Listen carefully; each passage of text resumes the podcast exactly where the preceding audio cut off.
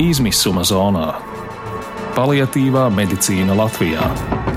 Īstenības izteiksme 15 minūtēs.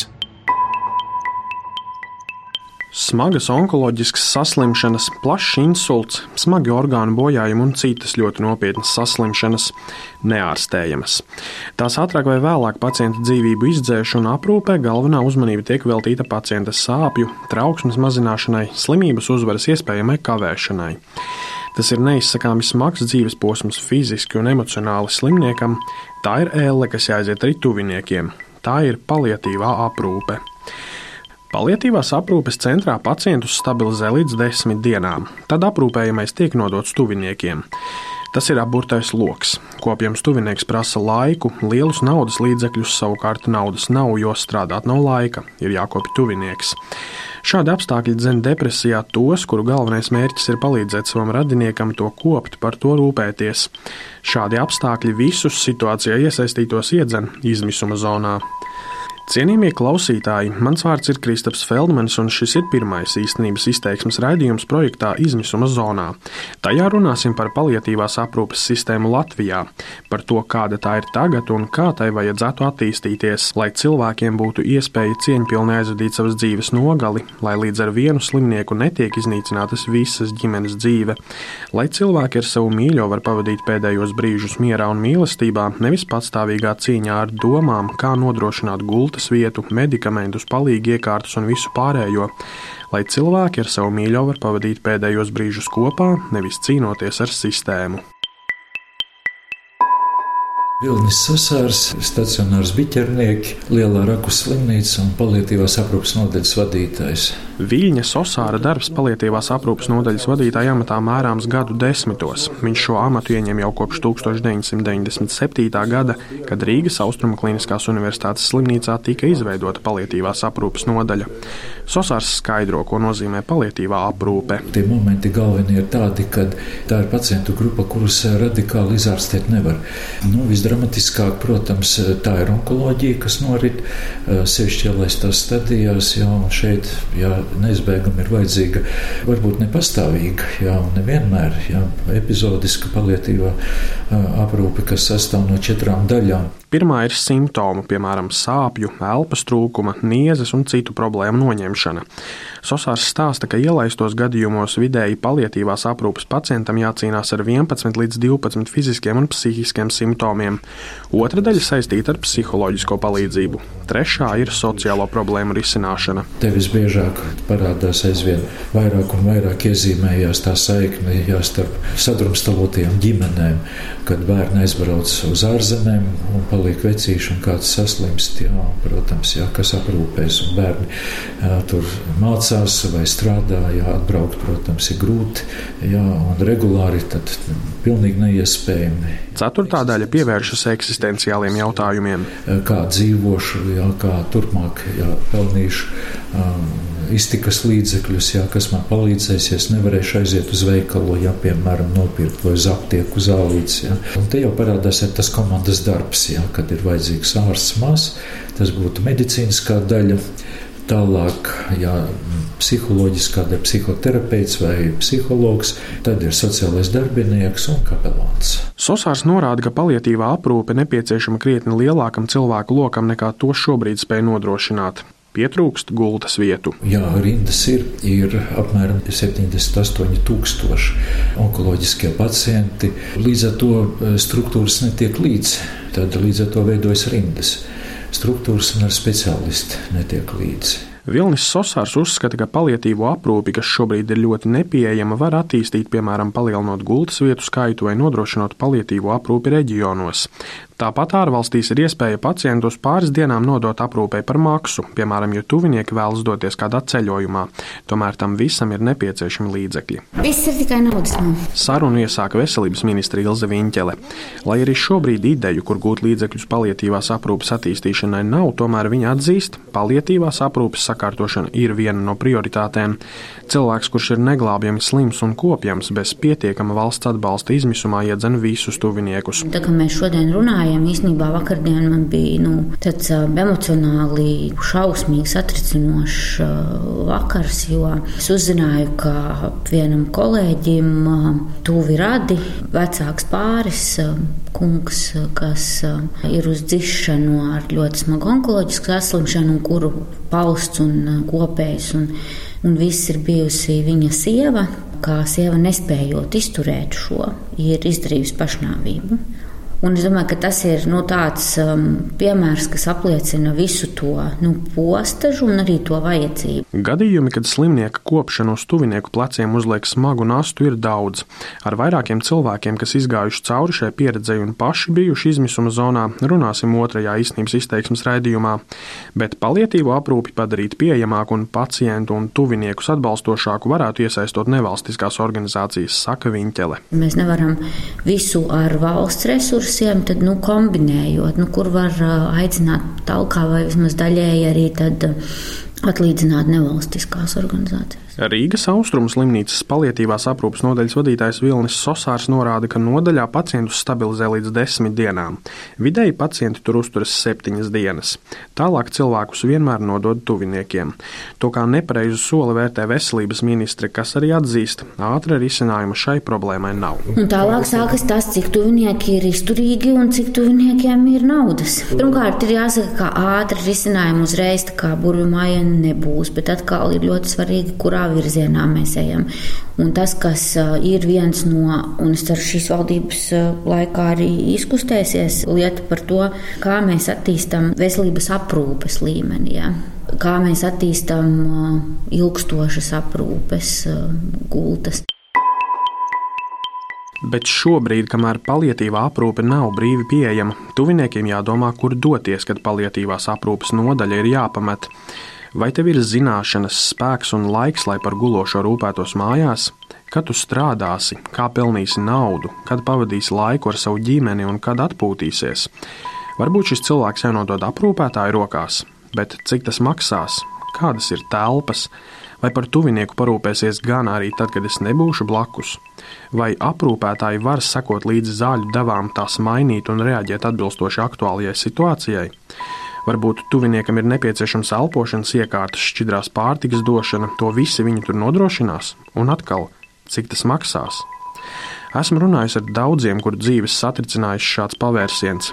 Visas šīs domas, nepārtrauktā cenšanās spēt palīdzēt, tas iedragā tuvinieku emocionālo veselību, tad dzēn izmisumā. Runājot ar cilvēkiem, esmu dzirdējis daudzas versijas, kā šo purvu brist. Citi pārdevuši vecmeistaru gleznas, lai iegūtu naudu, par ko samaksāt, citi pametuši labi apmaksātu darba vietu, bet citi sabrūk, ieslīgs depresijā un vēl ilgi pēc kopjama aiziešanas lāpa un cenšas saglabāt savas izpostītās dzīves. Citi samierinās. Tās lētākās aprūpes iestādes ar tumšajām telpām, daudziem pacientiem istabiņā ir tas, ko es varu atļauties. Es nolēmu arī pats saprast, ar ko jārēķinās meklējot aprūpes iestādi. Apzvanīju pāris un visiem stāstīju vienu stāstu. Labdien, man ir radiniece, kurai meklējam iespēju tikt aprūpētai. Viņai ir smagi slima. Viņai ir krūts un dzemdas, kakla vēzis, smadzenēs ir metastāzes, ķermeņa intoksikācija. Nu, viņa ir guloša un slimība progresē. Svarīgi pārunāt šādus tematus. Man būtībā interesētu, cik tas man mēnesi izmaksātu, kad ir iespēja tikt kādā vietā, nu, vai nav iespējams sarunāt kādu ātrāku tikšanās laiku, ko iekļauj šis piedāvājums un kas man jānodrošina pašam. Eh, svarīgi ir arī tas, ka nepieciešams medicīniskas injekcijas ir jāsako līdz, piemēram, pretsāpju līdzekļu devām, un tas jāmaina. Zvanu uz Rīgas pirmās slimnīcas teritorijā esošo sociālās aprūpes centru Mentamed. Jā, lūdzu. Interesējos, cik man izmaksātu tuvinieka izmitināšana. Ja ir brīvs divvietīgi, trīsvietīgi palāta, 32 eiro diennaktī e, zāles no jums un pamperi. Un vienvietīgi palāta 37. Un e, tad e, kas ir tas, ko jūs nodrošinat tur? Visu pieskatīšanu, zāļu sadēlu, pamberu maiņu, mazgāšanu, varošanu. Māsiņa ir uz vietas katru dienu no 8 rītā līdz 8 vakarā, aprūpētāji diennakti, dakterī divreiz nedēļā. Un, e, ja ir nepieciešams tur arī cilvēkam injekcijas, nu jāsaka Jā. līdz tām devām, tā visu laiku māsiņas dara? Jā. Konkrētajā iestādē par uzturēšanos mēnesī jāšķiras aptuveni no 960 līdz 1110 eiro, nodrošināta ēšana. Tomēr papildu jāpērk vēl savi medikamenti, autiņbiksītes un citas speciālās preces. Tās ir lielas summas, no kurām jāšķiras. Tajā pašā laikā tuviniekiem ir arī jādzīvo sava dzīve, jāēd, jāmaksā komunālie maksājumi un jāsedz citi izdevumi. Rodas izmisums, kur iegūt naudu. Lētāk būs mājās, bet pa kuru laiku tad strādāšu? Konkrētajā iestādē gan šobrīd ir brīvas divas vienvietīgās palātas, bet man ir paveicies, jo runājot ar daudziem, kas meklējuši vietas aprūpes iestādēs, esmu sapratis, ka parasti vietu nav un ir jāgaida garās rindās. Tālāk zvanu vēl kādam aprūpes centram - Dzintara melodija. Tātad kopumā, lai izvērtētu izcinājumu, mēs skatāmies trīs aspektus. Pirmais ir uh, līguma veids, tātad ilgtermiņā vai īstermiņā Otrs, no kā ir atkarīga izmaksa, tas ir istabas veids, vai tā ir divvietīga, vai tā ir vienvietīgā istabiņa. Un trešais jau ir šis aprūpas līmenis. Šeit pirms iestādes sazvanīšanas var aizpildīt testu, kas nosaka kādu no trīs aprūpas līmeņiem. No tā atkarīga cena. Norāda, ka pacients ir trešajā līmenī, proti tam nepieciešama vislielākā aprūpe. Ja ir tas smagākais gadījums, kad nu, guļošs cilvēks kopjams, pamperējums jau smagāk. Jūs plānojat ilgtermiņa uzturēšanos, tātad ilgāk par trīs mēnešiem. Divvietīgi istabiņa dienā izmaksātu 39,80 eiro. Vienvietīgi istabiņa savukārt 51,70 eiro. Vienvietīgi istabiņa tas nozīmē, ka var pats pieslēgt savu televīziju, var, var savus mēbeles iekārtot, nu, kā, kā nu patīk un, un, un tā. Katrā istabiņā ir sava dušas telpa ar toleti, katra gulta ir funkcionālā gulta, kā arī pie katras gultas ir podziņa personāla izsaukšanai nepieciešamības gadījumā. Šajā iestādē izmaksas par uzturēšanos mēnesi ir lielākas. Konkrētajā situācijā aptuveni no teju 1200 līdz pat nedaudz virs 1550 eiro. Šeit gan tiek nodrošināta sautiņbiksītes un ēdināšana, tomēr pašam jārūpējas par medikamentu iegādi, higiēnas precēm, čībām un halātu. Pārliecinos, ka aprūpe iestādēs ir dārga un ne katram tā varētu būt pa kabatai, bet tomēr ir jāturpina strādāt un par tuvinieku kādam ir jārūpējas ir jāstrādā pie paliatīvās aprūpes sistēmas sakārtošanas, un to jau pirms vairāk nekā desmit gadiem piedāvāja darīt Vilnis Sosārs, kurš sadarbojoties ar Veselības ministriju strādājis pie paliatīvās aprūpes attīstības plāna. Plāns bija uzrakstīts no 2009. līdz 2015. gadam, tātad struktūras bija paredzēts, tātad e, nodaļas un pie nodaļām ir arī ambulatorie dienesti.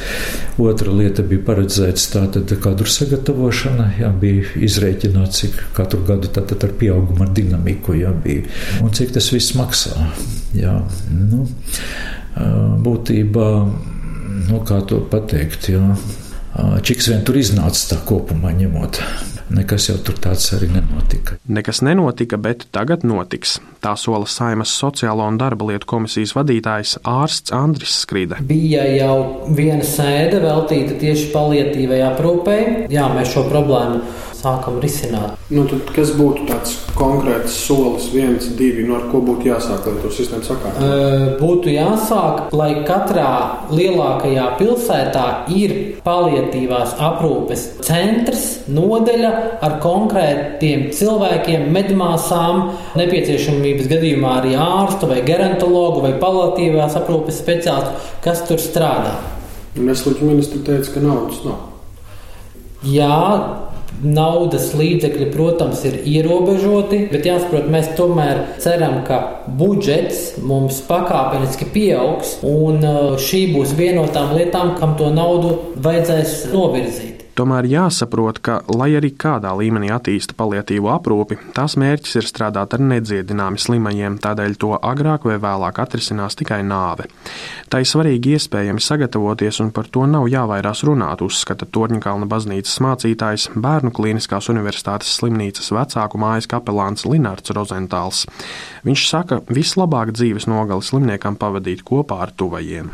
To cilvēku ieskauts, kuri viņam kaut ko nozīmē un uh, kuru, ar kuriem viņam ir jā, emocionāls saita attiecības. Un tas, es domāju, ir tas, uh, kas uh, ir jāmācās no jauna, ka mums ir ļoti liels grūtības ar to tēmu.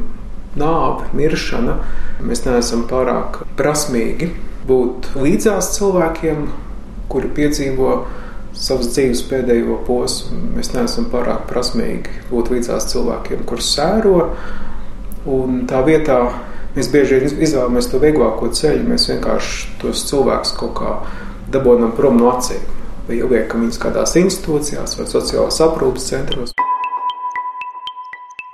Patiesībā jau nāve ir beigas visiem, ne tikai tiem, kuri nodoti palietīvai aprūpei. Tomēr smagi slimi cilvēki ir pelnījuši cieņpilnu dzīves nogali un nevajadzētu rasties tādai situācijai, kad aprūpējams pacients te jau pilnībā gulstas uz tuvinieku pleciem.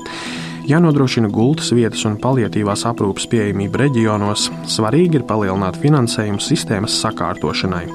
Palietīvās nodaļas vadītājs Vilnis Sosārs norādīja, ka visa pamatā ir politiskā griba.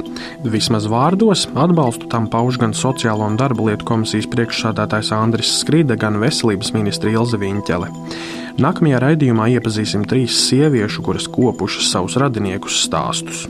Šo raidījumu veidoja es, Kristaps Feldmanis, bet par labskaņu rūpējās Renārs Šteimanis. Izmisuma zonā - paliatīvā medicīna Latvijā. Pēta un risina raidījums Krustpunktā.